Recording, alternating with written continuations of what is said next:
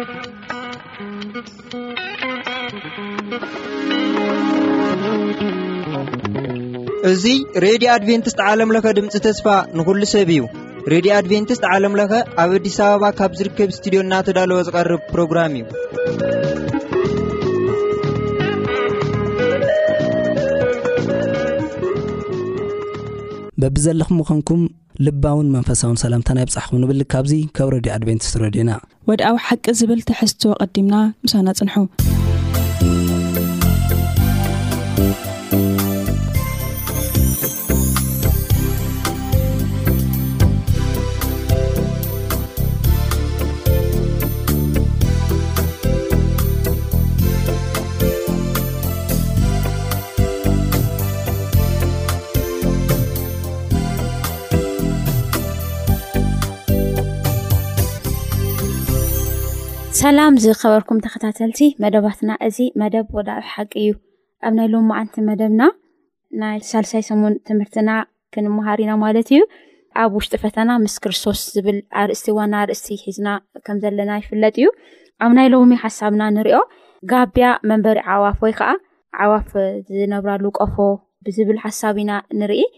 ኣብዚ ሓሳብ እዚ ብኣውራ ንሪኦ እግዚኣብሄር እናፈለጠ እግዚኣብሄር እናርኣየ እግዚኣብሄር በቃ ኮን ኢሉ ንደቂ ሰባት ኣብ ፈተና ክሓልፉ ከመይ ከም ዝገብሮም ኢና ንርኢ ማለት እዩ።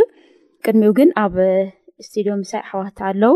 ሓውና ቢንያም ኣሎ ከምኡ ከዓ ሓውና ኣማን ኣሎ እግዚኣብሄር ይባርኩም ኣብዚ ስለ ዝተረኸብኩም ክንብለኩም ንፈቱ ማለት እዩ ሰማዕቲ ንስኹም ከዓ ኣብ ዘለኹሞ ቦታ ምሳና ስለ ዘለኹም ንዓኹም እውን እግዚኣብሄር ይባርኩም እዚ ጋቢያ ወይ ከዓ እዚ ቀፎ ናይ ዓዋፍ መንበሪ ክንብል ከለና ኖርማሊ ዓዋፍ ገዛ ክሰርሑ ከለው እንተርኢና ዝተፈላለዩ እንጨይቲ ገለገለ ኣኻኺቦም ዝሰርሑ ድሓረ ግን እቲ መንበሪኦም እንታ ብደንቢ ክጥዕሞም እንታይ ገሩ ልስሉስ ዝኾነ ነገር ብልዕሊ ይገብርሞ የመቻችዎ ሞቃ ይኾኑ እዚ ገዛ ማለት እዩና ከምኡ እዩ እዚ ናይ ዓዋፍ መንበሪ ቀፎ ኢልና ጋብያ ዝበልናዮ ግን እንታይ ዓይነት መንበሪ እዩ ሰብ ንዓዋፍ ንክነብርሉ ለዳለዮ ቦታ ከምዝኾነ ኢና ንርኢ እዚ ቦታ እዚ ሞቻ ኣይኮነን ካብ ሓፂን ዝተሰርሐ እዩ ካብ ሓፂን ተሰሪሑ እዩ። ካብኡ ከዓ ዝተፈላለየ እዚ ሓደ ሰብ ሓንቲ ዒፍ ኣምፂኡ ከሰልጥና እንተደልዩ እቲ ናቱ ድምፂ ወይ ከዓ እቲ ትዝምሮ ወይ ትመሃሮ ነገር ከስልጥን እንተደልዩ ዝሰርሖ ገዛ እዩ እዚ። ይሰርሕ እሞ ካብኡ ደሓረ ዝተፈላለዩ ድምፅታት ምናምን ንከይመፅእ እንታይ ይገብር ዕፍን የብሎ እቲ ድምፂ ምንም ዓይነት ድምፂ ንከይመፅእ ማለት እዩ። ምክንያቱ እሱ ዝሕቦ እታ እሱ ዝብላ ድምፂ ጥራሕ ሰሚዓ እዛ ዒፍ እታ ድምፂ ሰሚዓ ናቱ ድምፂ ኣብ ዝኾነ መዓልቲ ንክተምፅእ ወይ ከዓ ንዓዓ ንክትዝምር እንታይ ይገብር ንካሊእ ነገር ኩሉ ኣብ ዙርያኣ ለሎ ነገር የፀልምቶ ወይ ከዓ የጥፍኦ ማለት እዩ። ከምኡ ገይሩ እዩ ለስልጥን እና እዚ ጋብያ ወይ ከዓ እዚ ቀፎ ንብሎ እዚ እዩ ማለት እዩ እና ኣብ መወዳእታ እዚ ሰብ እዚ እንታይ ይደሊ ማለት እዩ ንምሳሌ ሕዚ ሓንቲ ፓሮት ፓሮት ዘስልጥን ሰብ እንታይ ይገብር እታ ቀፎ ይሰርሕ ሞ ድሕሪኡ ዙርያ ምላሽ እንተስ በቃ ብምንም ዓይነት ድምፂ ከይስማዕ ከምኡ ከዓ ፀልማት ክኸውን ይገብሩ ማለት እዩ ካብኡ ኣብ ህድኣት ኮይና ፀጢላ ኣብቲ ዘይምቸ ቦታ ማለት ነታ ዑፍ ግን ሞቻ ይኮነ እቲ ቦታ እሱ ማለት ግን ሓንቲ ነገር ጥራሕ እያ ትለማመድ እንታይ እቲ ሓላዊኣ ወይ ከዓ እቲ ዋናኣ ዘስምዓ ድምፂ ማለት እዩ ብድሕሪኡ እቲ ተለማሚያ ተለማሚዳ ድሕሪ ግዜ እንታይ ትገብር ማለት እዩ እቲ ድምፂ እሱ ዘለማመዳ ድምፂ እንታይ ትገብር ተምፂ ትጅምር ማለት እዩና ከምኡ ዓይነት ሓሳብ እዩ ናይ ሎም መዓንቲ ክንርኢና ኣብ ናይ ሎሚ ትምህርትና ንሪኦ እግዚኣብሄር በዓሉ ሰባት ብከምኡ ዓይነት ኩነታት ንክሓልፉ ዝገብረሉ ግዜታት ኣሎ ማለት እዩ እና እናፈለጠ እናርአ ዝገብሮ ወይ ከዓ ብኡ ሰብ ክምራሕ ዝገብሮ ነገር ኣሎ ኣብ መወዳእታ ከዓ ከምታ ዑፍ ኣብ መወዳእታ ዝዝምርሉ መዝሙር ስለዝደሊ ማለት እዩ እና ብሓፈሻ ንሪኦ ሓሳብ እዚ ዝኸውን እቲ ናብ መጀመርያ ሕቶይ ናብ ሓውና ኣማን የገብር ኣብ ምድሪ ተስፋ እስራኤል ክጓዕዙ ከሎ ካብ ግብፂ ወፂኦም ኣብ ዘፃዓት ዓስርተ ኣርባዕተ ዝኾነ ዛንታ ኣሎ ኣብዚ ብጣዕሚ ከቢድ ዝኾነ ነገር ከም ዝገጠሞም ኢና ንርኢና ኮይኑ ግን እግዚኣብሄር እቲ ዘጭንቅ ነገር ከም ዝኾነ ይፈልጥ እዩ ወዶ እንታይ ይብል ብቅድሚቶም እንታይ ነይሩ ባዕሪ ነይሩ ወዶ ብድሕሪቶም ከዓ እንታይ ነይሩ ሰራዊት ፈርኦን ነይሮም ኣብ ማእኸል መን እስራኤል ኣሎ ማለት እዩ እግዚኣብሄር ብከምዚ ዓይነት ንምንታይ እዩ መሪሕዎም እንታይ ኢና ካብኡ ከዓ ንመሃር ኣማን ሓደ ሓደ ግዜ ናይ እግዚኣብሔር ምርሒት ካብቲ እተጸበናዮ ወጻኢ ወይ ድማ ካብቲ ንሕና ንሓስቦ መንገዲ ወጻኢ ክኸውን ይኽእል እዩ። ንሱ ጥራሕ ዘይኮነ ካብቲ ንሓስቦ ወጻኢ ጥራሕ ዘይኮነ እንደገና ድማ ኩሉ ግዜ ዘሕጉስ ደስተኛ ወይ ድማ ባህታ ዝተመልኣካ ሰብ ንኸይትኸውን ክገብር ይኽእል እዩ። እዚ ንምንታይ ከምዚ ይኸውን እሞ ኸኣ ካብቲ ልዑል ኣምላኽ ኢልና ክንሓስብ ከለና ኣብ ዘጸኣት ምዕራፍ ዓሰርተ ኣርባዕተ ሳላሳን ሓደን ምላሽ ይህበና እዩ። ቅድሚኡ ግን ከተንትና እግዚኣብሄር ብጽኑዕ ኢድ ኢልዎም እዩ ካብ ፈርኦን እንታይ ክገብረኩም ካብ ኢድ ፈርኦን ከድሕነኩም እየ ኢልዎም ነይሩ እዩ ብጽኑዕ ኢድ ድሕሪ ዓሰርተ መቕዘፍቲ እዩ ፈርኦን ለቒቕዎም ንህዝቢ እስራኤል ቀሊል ኣይኮነን ግን ብዙሕ መንገድታት ኩሩ ናበይ መሪሕዎም ብገጽ ንገጽ ናብ ቀይሕ ባሕሪ ንታሕቲ እዩ መሪሕዎም ካብ ግብጺ ናብ ቀይሕ ባሕሪ ስለዚ ናብ ቀይሕ ባሕሪ ታሕቲ ምምራሕ ማለት እንታይ ማለት ድሓር ዜርካ መሊሽካ ናብቲ ከነኣን ምእታው ከቢድ እዩ እና ብዙሕ መንገድታት ከሎ ባሕሪ ዘይብሉ ካልእ ሴፍ ዝኾነ መንገድታት ከሎ ብባሕሪ ፊት ንፊቶም ዘሎ ነገራት ብኡ ክመርሑም ከሎ ኢና ንርኢ እዚ ከም ሰብ ግራ ዝእቱ እዩ ብጣዕሚ ዋይ ንምንታይ ዘብል እዩ ኣብቲ ግዜ እቲ እውን ኢሎም እዮም ንሶም እውን ንሕናሲ ኣብ ግብጺ ዶ ሙማት ኣይምሓሸናን ኣብ ግብጺ ዶ መቃብር የለን እዩ ኣብዚ ከተጥፍኡና ዝመጻኹም ኣብ ግብጺ እኮ which is safe እኳ ኢና ኔርና ንሰርሕ እኳ ወላ ባሮት ንኹን ንሰርሕ ንበልዕ ንሰቲ ንኣቱ ኢና ኔርና ሕጂ ግን ኣጨኒቕኩምና ኣብ ጥፍኣት ሪስክ እቲኹምና ኢሎም ኣብ ሙሴን ኣብ ባሪኡን ተዛረቡ ይገርም እዩ ኮይኑ ግና እግዚኣብሄር እቲ ታሪኽ ኣብ ዘጸኣት ምዕራፍ ዓሰርተ ኣርባዕተ ከም ዝነግረና ቀይሕ ባሕሪ ከፊሉ ንዕኦም ከም ዘሳገሮ ንዕኦም ምስ ኣሳጊሮም ጥራሕ ዘይኮነ ነቶም ክቐትልዎም እናተሃንደዱ ብኣፍራስን ብሰረገላታትን እናጎዩ ዝመጹ ዝነበሩ'ውን ደጊምኩም ኣይክትርእይዎምን ኢኹም ከም ዝበሎም ንሓንሳብን ንሓዋሩን ኣብ ባሕሪ ኤርትራ ኣብ ቀይሕ ባሕሪ ከም ዝሰጠሙ ሰጢሞም በቃ ጠፊኦም እሞ ዘጸኣት ምዕራፍ ዓሰርተ ኣርባዕተ ሰላሳን ሓደን እንታይ እያ ትብል ንሶም ድማ እዚ ሪኦም እዞም ዘጉረምርሙ ዝነበሩ ሰባት እዞም እንተኣሽሙ ዝገብሩ ዝነበሩ ሰባት ብምሉኦም ንእግዚኣብሔር ፍርሕዎ ይብል ንእግዚኣብሔር እንታይ ግበሩ በቃ ፍርሕዎ ከምኡ ውን ብሙሴን በቲ ዝመርሖም ኣምላኽ በቲ ዝረዶም ኣምላኽ ውን ኣመኑ ብጣዕሚ ዝገርም ነገር ማለት እዩ ኣብዚ እንታይ ሓሳብ ኢና ክንመሃር ንኽእል ክንብል ከላ ምእማን ቀሊል ኣይኮነን ምእማን ቀሊል ኣይኮነ ኣብ ቅድሜኻ ባሕሪ ብድሕሬኻ ፍርዖን እናመፀ እግዚኣብሔር ክረድኣኒ ኢልካ ደው ምባል ከም ሰብ ቀሊል ኣይኮነን ከቢድ እዩ ዋጋ ዘኽፍል እዩ ዋጋ ዘኽፍል እዩ ናይ እግዚኣብሔር ዕላማ ፈሊጥካ ግን ደው ምባል ግን ይከኣል እዩ ዘይከኣል ግን ኣይኮነን ስለዚ እግዚኣብሔር ነዞም ሰባት እዚኦም ከምህሮም ዝደለየ በዚ መንገዲ እዚ ዘሕለፎም ዋና ዕላማ እዚ ነገር እዚ ኣብ ውሽጦም ክነብር ስለ ዝደለየ ሓደ ብኡ ክእመኑ ብሙሴ ባሪኡ ድማ ክእመኑ እንደገና ድማ ንዕኡ ድማ ክፈርሕዎ እዩ እዚኣ እያ ነራ እታ ናይ እግዚኣብሔር ዓላማ ብቀይሕ ባሕሪ ዘሕለፎም ማለት እዩ እሞ እዚኣ እያ ክብል ዝደሊ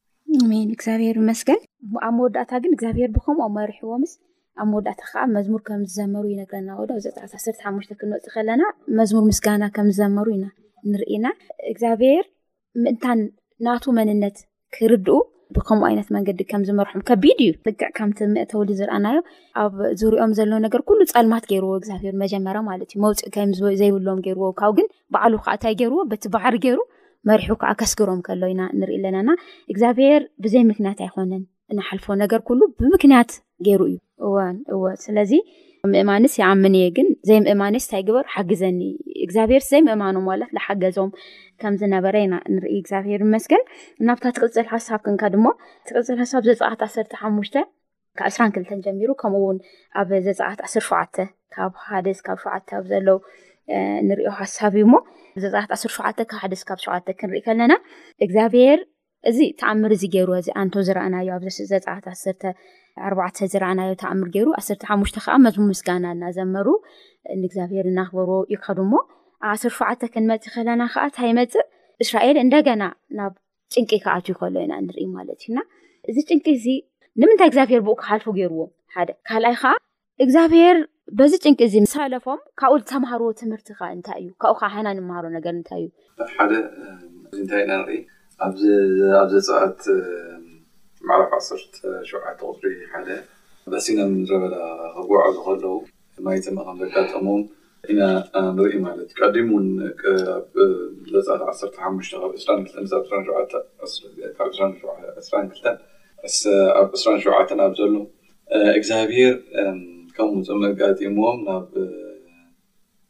ማይ ዘለዎ ቦታ ክመርሖም ከሎ ኢና ንርኢ። ናብ ግን ናብ ማይ ዘለዎ ቦታ መሪሕዎም ዋላ እኳስ እቲ ማይ ስለ ዝመረሮም ከጉረምርሙ ከለዉ መይሶም ከጉረምርሙ ኢና ንርኢ ዘለና። እዚ ኣባና እውን ምናልባት ኩሉ እንደልዮ ነገራት ዘይክንረክብ ንኽእል ነገር ግን ንጥይቆ ነገራት ኩሉ ከኣ ንምርካብ ግዜ የድልየና ማለት እዩ። ስለዚ ንሕና ስለ ዝደለና ጥራሕ ዘይኮነስ እግዚኣብሄር ንዓና ከጥፍኣና ከም ዘይደሊ ናትና ሞት ከም ዘይደሊ እዚ ርጉጽ እዩ። ስለዚ እዚ እንድሕር ሒዝና እግዚኣብሄር ኣብ ዝህበና ነገራት ኩሉ ኣሻብ ኣብ ምጉርምራም ከነጥፍእ ከም ዘይብልና እዩ። ምኽንያቱ ሓደ እሶም ሕጂ እቲ ዕምና ኣብዚ ንርኢ ዘለና ካበይ ከም ዘምጽኦኦ ከም ዘውጽኦም ረሲዖም እዮም ዘለዉ። ምርሳዖም ጥራሕ ዘይኮነስ ማይ ጸሚእዎም ወን ኣብ ምድረ በዳ ማይ ስኢኖም ከለዉ ማይ ናብ ዘለዉዎ ቦታ እግዚኣብሔር ብደመና ክመርሖም ከሎ ናብ ማራ ክመርሖም ከሎ ማይ ክረኸቡ ምስ ረኸቡ ነቲ ማይ ዝረኸብዎ መሪር ስለ ዝኾነ መሪር ኢሎም ማራ ኢሎሞ ናብ ኣፎም እውን ከሳይ ደልዮም ግን ረሲዖም እቲ ዝነበርዎ እግዚኣብሔር ካብ ምንታይ የውፅዎም ካብ ባርነት ይውፅዎም ንምንታይ ኢኹም ካብ ዝውፅኹም ናይ ኢሎም ናብ ምጉርምራም ኣትዮም ማለት እዩ። ሕዚ ኣብ ማራ ክንርኢ ከለና ማይ ነይሩ እዩ ወዶ ማይ ነይሩ እዩ እቲ ማይ ዋላ መሪር ይኹን እምበይ ማይ ነይሩ እዩ ድሕሩ ግን እግዚኣብሔር እንታይ ይገብሮም ካብቲ ማራ ዋላ እቲ መሪር ማይ ካብ ለሎ ቦታ መሪሑስ ላባ የገብ ይወስዶም ምንም ዓይነት ማይ ናብ ለይብሉ ቦታ ይወስዶም እና ብድሕሪኡ እንዳውም ንሙሴ እንታይ ክገብርዎ ከለዉ ኢና ንርኢ እምኒ ገይሮም ክጭፍልቕዎ ከም ዝተላዕሉ ኢና ንርኢ ማለት እዩ ግን እግዚኣብሔር እቲ ዝሓተትዎ ሕቶ እንታይ ገይሩሎም መልሲ ሂብዎምዎ ዶ እንደገና እግዚኣብሄር ከውሒ ሰንጢቑ እንታይ ገይሩሎም ማይ ጥዑም ማይ ካብኡ ወሲዶም ከም ሰትዩ ኢና ንርኢ እና እዚ እውን ምሪት እግዚኣብሄር ምናልባት ሓደ ሓደ ግዜ መሪር ሓደ ሓደ ግዜ ከዓ ምድረ በዳ ክኸውን ይኽእል እዩ ኣብ ሂወትና ማለት እዩ ግን ኣብ መወዳእታ እንታይ ኣለዎ ማይ ሰትዮም ከም ዝረወው ይነግረና ኣብ ትርፋ ትርሸዓተ ብዛዕባ እቲ ቆይቂ ደቂ እስራኤል ንእግዚኣብሄር ድማ እግዚኣብሄር ኣብ ማኸና ዶ ኣሎ ወይ ኣይፋሉን ኢሎም ስለ ዝፈተንዎ ስም እታ ቦታ ማሳን መሪባን ኣውፀእላ ይብል ማለት ማይ ኣውፅኡሎም ሰትዮም እዮም ግን እታ ቦታ እሳ እግዚኣብሄር ተቋቁዮ ማለት እግዚኣብሄር ተቋይቆም እዮም ምስ እግዚኣብሄር ተማጊቶም እግዚኣብሄር ይኽእል ድዩ ኣይኽእል እዩ ስለ ዝበሉ እግዚኣብሔር ብፍሉይ ቦታ ሽም ከም ዝሃበ ምልክት ከም ዝገበረ ኢና ንርኢ ማለት እዩና ናብቲ ቀፂሉ ዘሎ ሓሳብ ክንካድ ከለና ከዓ ተጋድሎ ወይ ከዓ ቃልሲ ኢና ንርኢ ኣብ ምድረ በዳ ምድረ በዳ ሕዚ ኣንቶ ዝረኣናዩ ምድረ በዳ ምንም ነገር ዘይብሉ ፅምፅም ዝበለ ነገር እዩ ማ የብሉ ፅላል የብሉ ምን የብሉ ማለት እዩ ሓዊ ጥራሕ ሓልሓል ዝብል ሓዊ ጥራሕ ኣብ ዘለዎ ቦታ ዝነበረ መን ኢና ንረክብ ንክርስቶስ የሱስ ንረክብ ማለት እዩና ኣብ ሉቃስ ኣርባዕተ ካብ ሓደ ዓስር ሰለስተ ኣብ ዘለዎ ሓሳብ ሓደ ዓብዪ ሕቶ ዝሓተና ነገር እንታይ እዩ ሰብ ከምዚ ዓይነት ፈተና ሰብ ከምዚ ዓይነት ኣብ ቅድሚኡ ዝመፀ ነገር ብዘይ ሓጢኣት ክስእር ከም ዘለዎ ዘምህረና ነገር ኣሎ ይከኣል ድዩ ካብ ብሱሩ ክንክእል ዶ ብስብእና እዚ እስቲ እንታይ ይመስል ኣማን ኣብዚ ሓደ ነገር ንዕዘቦ ነገር ወይ ድማ ክንመሃሮ ዝግባእና ነገር እንታይ ኣሎ መስለኪ ቅድም ኢለ ኣብ ዘጽኣት ምዕራፍ ዓሰርተ ኣርባዕተ ዘሎ ኩነት ተዛሪበ ነይረ። እግዝኣብሄር ንህዝቢ እስራኤል ናበይ መሪሕዎም? ናብ ቀይሕ ባሕሪ። ብዙሕ መንገድታት ኣቕጣጫ ከሎ ናብ ከነኣን ዝእቱ መንገዲ ካብ ግብጺ ብዙሕ ኣቕጣጫ እዩ ዘሎ። ብዙሕ ኣቕጣጫ እናሃለወ ናብ ቀይሕ ባሕሪ እዩ መሪሕዎም። ቀጥ ኢልካ ናብ ቀይሕ ባሕሪ ኪዱ ተባሂሎም። ናብ ቀይሕ ባሕሪ እዮም ከይዶም። ቀይሕ ባሕሪ መሳገሪ የብሉን፣ ጃልባ የብሉም፣ ድኻታት ወሪድዎም እሶምን ደቆምን ጎተተት እናበሉ ዝመጹ ሰባት ናብ ቀይሕ ባሕሪ እዩ መሪሕዎም። ምንም ፍጥጥጥ ኢያ ኮይና ብድሕሪኦም ጸላእቲ ይመጹ ኣለዉ ስለዚ ኣብ ሉቃስ ምዕራፍ ኣርባዕተ ከኣ ንሪኦ ሓደ ሓሳብ ከኣ እንታይ ኢዩ መንፈስ ቅዱስ ከኣ ንየሱስ ናብ ምድረ በዳ ከም ዝወሰዱ ናብ በረኻ ክመ ናብ ፈተና ብሰይጣን ክፍተን ብዲያብሎስ ክፍተን ናብኡ ከም ዝመርሕና ንርኢ ስለዚ ያዕቆብ ምዕራፍ ሓደ ሰለስተ ላይ ሓደ ሰለስተ ሓደ ዝዛረበና ነገር ኣሎ እግዚኣብሄር ይብለና ያዕቆብ ምዕራፍ ሓደ ሰለስተ ንሓደ እኳ እንታይ ኣይገብርን'ዩ? ኣይፍትንን'ዩ ይብለና። እስከ ከንብቦ ይደሊ። ቁጽሪ ዓሰርተ ሰለስተ፣ ያእቆብ ምዕራፍ ሓደ ፍቕዲ ዓሰርተ ሰለስተ፣ ኣምላኽሲ ብእኩይ ኣይፍትንን፣ ባዕሉውን ንሓደ እኳ ኣይፍትንን እዩ እሞ፣ ሓደ እኳ ምስ ተፈተነ ኣምላኽ ፈቲኑኒ ኣይበል ይብለና። ስለዚ ኣብዚ ኣብ ዝተፈላለዩ ግዜ ብረድዮናውን ዝገሊጽናዮ ኔርና ኢና፣ ፈተና ኣብ መጽሓፍ ቅዱስ ብኽልተ መልክዕ ኢና ተገሊጹ ንሪኦ። እቲ ቀዳማይ ቴምፕቴሽን ዝብል ናይ እንግሊዝኛ ቃል እዩ። ቴምፕቴሽን ማለት እንታይ ማለት'ዩ? ሓደ ሰብ ንኽትወድቕ፣ ንኽትመውት፣ ንኽትጠፍእ ዘቕርበልካ ፈተናታት እዩ። እዚ ሰይጣን ዝገብሮ እዩ፣ Temptation። እዚ እግዚኣብሄር ኣይገብርን እዩ ዝብል ዘሎ። ዋላ እታ ቃላ ተሪእና ብእንግሊሽ ቃል ተሪእናያ እግዚኣብሄር ቴምፕት ኣይገብርን እዩ፣ ንዓና ንኽንወድቕ ንኽንጠፍእሲ ኣይፍትንን እዩ ኢሉ። ነገር ግን እግዚኣብሄር ግን ቴስት ይገብር፣ ይምርምር እዩ፣ ይምርምር እዩ፣ ርእስና ክንፈትልጥ፣ ርእስና ክንርኢ፣ ርእስና ኣበይ ኩነታት ከም ዘለና ርኢና ድማ ክንምለስ ንስሓ ክንኣቱ ይምርምረና እዩ። ስለዚ ምርመራ ኣሎ እዩ ንኣብነት ኣብ ዘፍጥረት ምዕራፍ ዕስራን ክልተን እንተሪኢናዮ እግዚኣብሄር ንኣብርሃም ፈተኑ ይብለና ወይ ደሞ መርመሮ ይብለና ስለዚ እግዚኣብሄር ይምርምር እዩ ምክንያቱ ርእስና ርኢና ክንምለስ ስለ ዘድሊ ማለት እዩ ስለዚ እግዚኣብሄር ዝገበሮ ነገር ንእስራኤላውያን ናበይ መሪሖም ንክፍተኑ ናብ ምድረ በዳ ከም ዝመርሖም መንፈስ ቅዱስ ከዓ ንክፍተን ወይ ድማ ቴስት ክግበር ማለት ንክምርመር ናብ በረኻ ከም ዝመርሖ'ና ንርኢ። እግዚኣብሄር እዚ ዝገብሮ ነገር ዝበለጸ ሰናይ ነገር ኣብ ህይወትና ክኾነልና፣ ዝበለጸ ዝሓሸ ነገር ኣብ ህይወትና ክንርኢ፣ እቲ ዘይረኣናዮ ራእይ ክንርኢ፣ ሓይሊ ኣምላኽ ክግለጽ፣ ክገሃድ፣ ፍርሓት ኣምላኽ ኣብ ልብና ክነብርን እንደገና ድማ ኣብ እግዚኣብሄር ክንኣምንን ንምግባር'ዩ እምበር ንኽፉእ ከም ዘይኮነ ይዛረብ እዩ መጽሓፍ። ኣብ ዘጸኣት ምዕራፍ ዓሰርተ ኣርባዕተ ቁጽሪ ሳልሳን ሓደን ቅድም ኢለ ዘንበብክዋ ሓሳብ እንታይ እያ ትብል? እዞም ሰባት ዘጉረምርሙ ዝነበሩ፣ ዘዕዘምዝሙ ዝነበሩ ሰባት፣ ድሕሪ'ቲ ፈተና ቀይሕ ባሕሪ ተኸፊሉ ጸላእቶም ንሓንሳብን ንሓዋሩን ጠፊኦም ምስ ረኣይዎም እንታይ እዮም ጌሮም? ብእግዚኣብሄር ኣመኑ ይብለና። ንእግዚኣብሄር ፍርሑ ይብለና። ነቲ ባርያኡን ብእኡን ኣመኑ ይብለና። ስለዚ እዚ እዩ እቲ ናይ እግዚኣብሄር ጎል ወይ ድማ ሽቶ እሞ ብፈተና ክንሓልፍ ከለና፣ ሓደ ሓደ ግዜ ናብ ምድረበዳ ክመርሓና ከሎ፣ ጐይታ ናብ በረኻ ኺመርሓና ኸሎ፣ ብእኡ ተሓጒስና እሙናት ኰይና ኽንወጽእ እዩ ዚግብኣና። ብርግጽ፣ ኣብ ሉቃስ ምዕራፍ ኣርባዕተ ሓደ ዚነግረና ነገር ኣሎ። እግዚኣብሄር ናብ ፈተና እኳ ተመርሓና፣ ዓወት ግን ዚህብ ኣምላኽ እዩ። ዮሃንስ ወንጌል ምዕራፍ ዓሰርተ ሽዱሽተ እንታይ እዩ ዚብል? ኣነ ንዓለም ስዒረያ እሞ፣ ንስኻትኩም ድማ ኽስዕሩ ኢኹም ይብል። የሱስ ክርስቶስ ናብ በረኻ መንፈስ እኳ ተመርሖ፣ ኣርብዓ መዓልቲ፣ ሉቃስ ምዕራፍ ኣርባዕተ ኸይድና ንርእየሉ እዋን ኣርብዓ መዓልቲ እዩ ዚብል። ፍልይ ብዝበለ፣ ሉቃስ ፍልይ ገይሩ እዩ ዘቕርባ እዛ ሓሳብ እዚኣ። ካልኦት ጸሓፍቲ ካብ ሉቃስ ፍልይ ዝበለ እዮም ዝጽሕፉ። እንታይ ይብል? የሱስ ከኣ መንፈስ ቅዱስ መሊእዎ ካብ ዮርዳኖስ ተመልሰ፣ ብመንፈስ ከኣ ናብ በረኻ ተመርሐ፣ ብድያብሎስ ድማ ኣርብዓ መዓልቲ ተፈተነ። ኣርብዓ መዓልቲ እዩ ብድያብሎስ ተፈቲኑ። ሓደ ሓደ ጸሓፍቲ ናይ መጽሓፍ ቅዱስ እንታይ እዮም ዝብሉ? ሰለስተ መዓልቲ ጥራሕ ከም ተፈተነ፣ ኣርብዓ መዓልቲ ተወዲኡስ ደሓር ሰይጣን ፈቲንዎ ይብሉ እዮም። ሉቃስ ግን ፍልይ ብዝበለ ኣርብዓ መዓልቲ እዩ ተፈቲኑ። ኣርብዓ መዓልቲ እናመጸ እዩ። መመዓልቲ ላመጸ ማለት እዩ። ኣብዚ ነገር እዚ ግን ጎይታ የሱስ ክርስቶስ ቃል ኣምላኽ እናኸፈተ ቃል ኣምላኽ እናኸፈተ ቃል ኣምላኽ ሒዙ እቲ መሳርያ ናይ መንፈሳዊ ጦር ሒዙ ብኡ እናሰዓረ ኣብ መወዳእታ ስዒሩ ከም ዝወጸ ኢና ንርኢ ማለት እዩ። ስለዚ ንሕና እውን በቲ ኣጽዋር ናይ መንፈስ ቅዱስ ወይ ድማ ኣጽዋር መንፈሳዊ ኣጽዋርና ብኡ ጌርና ነቲ ናይ ሰይጣን ፍላጻታት ክንስዕር ንኽእል ኢና። ዝጽዋርና እንታይ እዩ? ቃል እግዚኣብሄር እዩ። ዝጽዋርና እንታይ እዩ? ጸሎት እዩ። ዝጽዋርና እንታይ እዩ? ናብ እግዚኣብሄር ምጽጋዕ እዩ። ዝጽዋርና እንታይ እዩ? መንፈስ ቅዱስ ናይ መንፈስ ቅዱስ ሓይሊ ምርካብ እዩ። ጸጋ ኣምላኽ ምርካብ እዩ። እሞ በዚ ጽዋር ጌርና እቲ ናይ ሰይጣን ፈተናታት ክንሓልፎ ከም እንኽእል እውን ዓቢ ተስፋ ዝሃበ እዩ። ስለዚ ፈተናታት ብበይኖም ማለት ዝተፈላለዩ ከም ዝኾኑ ኢና ንርኢ።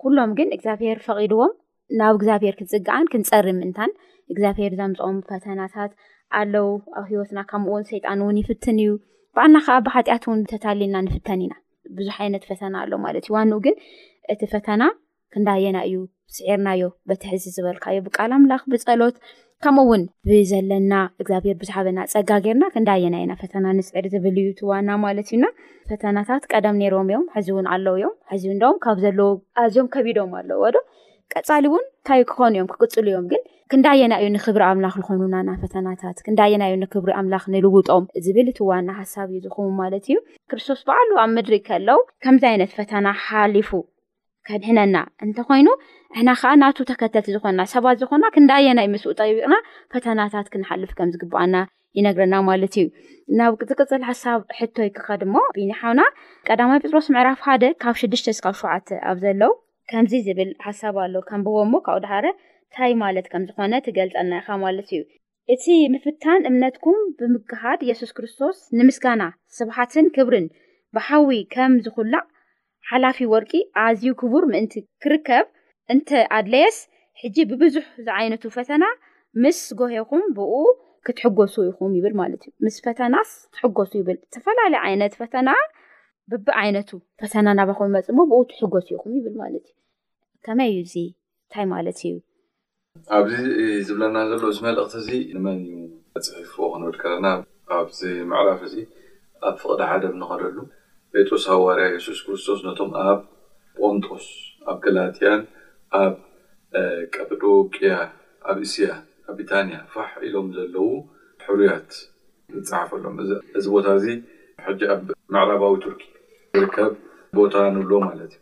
ስለዚ እዞም ኣብኡ ዝነበሩ ከመይ እዮም ገሊጽዎም ክንብል ከለና ዝተበተኑ ዝተበተኑ መጽዓተኛታት። እዚ ከቢድ ፈተና እዩ በይንኻ ክትከውን ከለኻ ብዙሕ ግዜ ዝተበተንካ ክትከውን ከለኻ ምኽንያቱ ካልእ ማሕበረሰብ ከም ደቂቕ ነገር እዩ ዝርእየካ። ብኣጋጣሚ ሓደ ነይሩ መሳርሕተይ ህንዳዊ እዚ።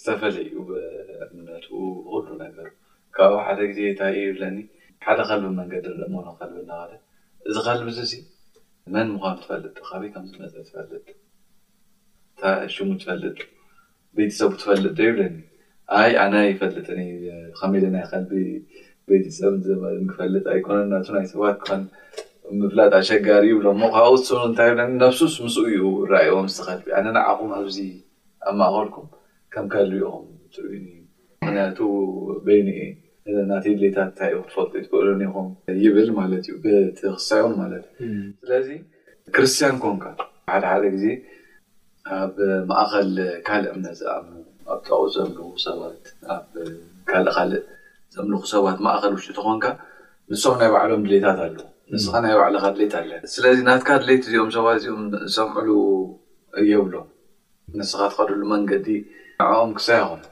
ምናልባት ሕጂ ኣብቲ መንገዶም ንሶም ኩሉም ምስ ክርስትና ዝጻረር ካብ ጫፍ እስከ ጫፍ እንዳ ሰገድሉ ዝኸዱ ጣኦት ኾፎት ኣቢሎም ንስኻ ውን ብኡ ምስኦም ትሓልፍ ግዴታኻ ተኾይኑ ክስመዐካ ዝኽእል ነገር ከቢድ እዩ ምስኦም ክትዛረብ ኣይትክእልን ኢኻ ንስኻ ምስኦ ኣብኡ ምዃንካ ንባዕሉ ንሶም ከምኡ ዘይምግባርካ ንዓኻ ከም ካልእ ነገር እዮም ዝሪኡኻ ስለዚ ክርስትያን ኮንካ ኣብ ከምኡ ዓይነት ምንባር። ከም ግለሰብ ፈታኒ እዩ ፈታኒ እዩ እዚ ፈተና እዚ እዚ ፈተና እዚ ካብቲ ምስ ክርስቶስ ፀቢቕና ብክርስቶስ ፍቕሪ ተመላሊስና እዚ ፈተና እዚ ሓሊፍና እንረኽቦ ዘለኣለማዊ ህይወት ክነወዳድሮ ከለና እዚ ፈተና እዚ ምንም ማለት ኣይኮነን እቲ ምንት ምንም ነገር ኣይኮነን ስለዚ እቲ መልእኽቲ እሱ ንዕኦም እሱ እዩ ዝብሎም ዘሎ ጴጥሮስ ኣብ እንተኣለየሲ ሕጂ ብብዙሕ ዝዓይነቱ ፈተና ምስ ጎየኹም ብኡኡ ክትሕጎሱ ኢኹም። ይብል ኣሎ። በቲ ፈተና ንሱ ንባዕሉ ምሕላፍካ ደሓር መሕጎሲ ዝኾነሉ ግዜ። ስለዚ ንዖም ጥራሕ ዘይኮነስ ንዓና ውን ንዓና ውን ኣብዚ ግዜ እዚ ዘለና ውን ምናልባት እቲ ፈተና ንሱ ከምኡ ዓይነት ፈተና ዘይክኸውን ይኽእል ምናልባት መልክዑ ዝቐየረ ፈተና ክኸውን ይኽእል።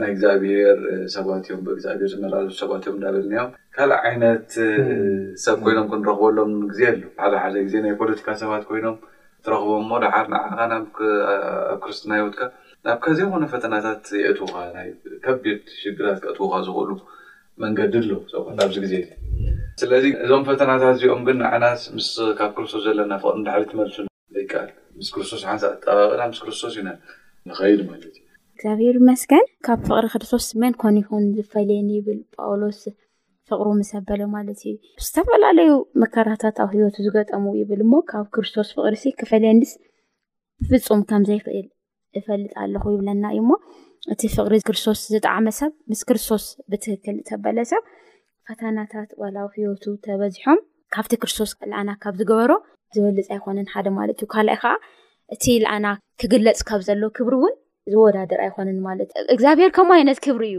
ኣዳልዩልና ዘሎ ማለት እዩና እዚ ኣብ ምድሪ ንሓልፎ ነገር ዳሓራይ ኣብ ንግለፅ ክብሪ ሲ ምንም ኣይኮነን ማለት እዩና እሱ እናሃሰብና ዝና ምድሪ ጉዕዞና ክንፍፅም ኣብ ፈተናታትና ብትብዓት ክንቅፅል ማለት እዩ ናብ መወዳእታ ሃሳብ ክንመፅ እሞ ሓውና ኣማን ሰብ ብሓዊ ይፍተን ይብለና ውዚ እሞ እንታይ እዩ ብሓዊ ምፍታን ማለት ያእቆብ እውን ከምኡ ይብል። እቶም ኣብቲ ግዜ እቲ ሓያል ስደት ካብ ሮማውያን ዝበጽሖም ሰባት ንኸበራታትዖም ኢሉ ዝጸሓፎ ነገር እዩ። ምፍታን እምነትኩም ትዕግስቲ ከም ዝገብረልኩም ፈሊጥኩም ተዓገስዎ እናበለ ዝዛረቦም ቃል ኣሎ። ስለዚ ኣብኡ ብሓዊ ዝብል ቃል ተጠቒሙ ኣሎ። ብሓዊ ምፍታን ማለት ከቢድ ፈተና ምብጻሕ ማለት እዩ። ስደት፣ ጭንቀት፣ ሽግር፣ መከራ ማለት እዩ እሞ ሓደ ኣሌክስ ዝበሃል ሰብ ኣሎ፣ እዚ ዝተጻሕፈ ማለት እዩ። ስለዚ። ብዛዕባ ንሱ ታሪኽ ክዝረብ ከሎ እንታይ እዩ መጀመርያ ኣሸጋሪ ሰብ እዩ ነይሩ ማለት ብባህሪኡ እውን ከምኡ ውን ወልፊ ውን ዝነበሮ ሰብ እዩ ሓሽሽ ገለ መለታት ዝወስድ እዩ ነይሩ እዚ ባህሪኡ እዚ ሓሊፉ ውን ናብ እስር ቤት እትይዎ ነይሩ እዩ ኣብ እስር ቤት ክፀንሕ ገይርዎ ነይሩ እዩ ኮታስ ኣብ ብዙሕ ሽግር ንክሓልፍ ገይርዎ እዩ ዝባህሪ እዚ ናይ ወልፍን ነገር ማለት እዩ እሞ ደሓር ግን ብፀጋ ኣምላኽ እቲ ጎይታ የሱስ ክርስቶስ ከም ግሊ መድሓኒኡ ከም ተቀበለ።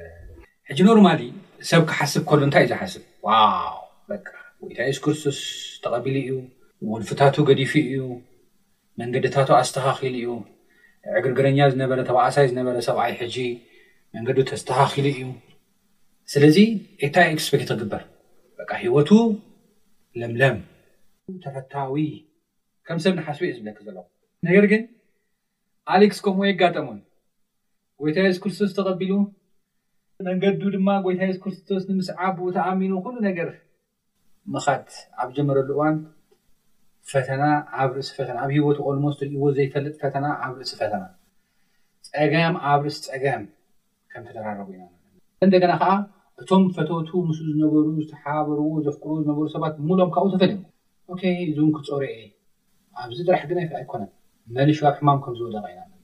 መልሹ ብ ሽግር እዚ ኩሉ ክሓልፍ ከሎ ኢና ንርእይ ማለት እዩ። ኣሌክስ ግን እዚ ፈተናታት እዚ በዲሁ ኣብ ጎይታ የሱስ ክርስቶስ ክሳብ መወዳእታ ከም ዝጸንዐ ኢና ንርኢ ማለት እዩ እሞ ኣሌክስ እዚ ፈተናታት እዚ ብምብጽሑ ጌጋ ኣይነበረን ኣብ ትኽክል መንገዲ ኮይኑ እዩ ዝኹሉ በጺሕዎ ግን ትፈታኒ ዲያብሎስ ስለ ዘሎ ብዚ ዓለም እዚ ንሱ ከም ዝፍትነና ብሓይሊ ከም ዝፍትነና እሞ መጽሓፍ ቅዱስ ተደጋጋሚ ምኽርታት ይመኽረና እዩ። ቀዳማይ ዝመኽረና ኣብ ምሳሌ ምዕራፍ ሰለስተ ካብ ሓሙሽተ ሙሉእ ዩት ምዕራፉ ገናና ካብ ሓሙሽተ ክሳብ ሸሞንተ ጥራሕ እንታይ ይብል ብሙሉእ ልብኻ ብእግዚኣብሄር ተኣመን ኣብ ናይ መጀመርያ ሰንበት ትምህርትና ምእማን ቀሊል ኣይኮነን ከቢድ እዩ ዋጋ የኽፍል ኢልና ኢና መብዛሕትና ኣብ ምእማን ፌል ንገብር ኢና መብዛሕትና ብሙሉእ ልብኻ ብእግዚኣብሄር ተኣመን ተኣመን ትብል ቃል ኣርባዕተ ቃል እያ ግን ከባድ እያ ኣብ ሂወት ተግባር ኣብ ልቦናኻ ኣይትጸጋዕ ወይ ድማ ኣብቲ ናትካ ኣንደርስታንዲንግ ኣብቲ ናትካ ምስትውዓል ኣይትጸጋዕ ኣብ ኩሉ መንገድኻ ንዑ ሕሰብ ንሱ ኸኣ ኣካይዳኻ ክቐንዕ እዩ። ባዕለይ እፈልጥ ኣይትበል፣ ንእግዚኣብሄር ፍራሕ ወይ ድማ ተኣዘዝ፣ ካብ ክፉእ ድማ ርሓቕ፣ እዚ ንሕምብርትኻ ፈውሲ ነዕጽምትኻ ኣንጉዕ ክኾነካ እዩ ክብል ከሎ ኢና ንርኢ። እዚ ጥራሕ ግን ኣይኮነን። ቃል እግዚኣብሄር መሊሹ ዝመኽረና ነገር ኣሎ። ኣብ ኤርምያስ ምዕራፍ ዕስራን ትሽዓተን እታ ኣነ ዝሓስበልኩም ሓሳብ ሓሳብ ደሓን እዩ እምበር ናይ ክፉእ ኣይኮነን ይብለና። ስለዚ ንስኻትኩም እንታይ ክትገብሩኒ ኢኹም? ክትደልዩኒ ኢኹም፣ ኣነ ድማ እንታይ ክገብረልኩም እየ? ብፍጹም ልብኹም እንተ ደሊኹምኒ፣ ኣነ ኸኣ ክርከበልኩም እየ። ስለዚ እቲ ጉዳይ እግዚኣብሄር ኣብ ምድላይን ኣብ ዘይምድላይን እዩ ዘሎ እቲ ጉዳይ ማለት እዩ። ብዝተፈላለየ ፈተና ክትሓልፍ ከለኹም ባዕሉ ኣምላኽ እውን ይብላ ልዕሊ ዓቕምኹም ፈተና ኣይብጽሓኩም እዩ ድማ እኹል እዩ ጸጋ ጸጋይሲ እኹል እዩ ንዓ ብፈተና እናሓልፍ ዘለና ኣሕዋትን ኣሓትን እዚ ናይ ተስፋ ቃላት ዓብዪ ብርትዐ እዩ ዝህበና ንዓና እውን ማለት እዩ። ስለዚ ጸጋ ኣምላኽ እኹል እዩ፣ ብእግዚኣብሄር ንተኣመን፣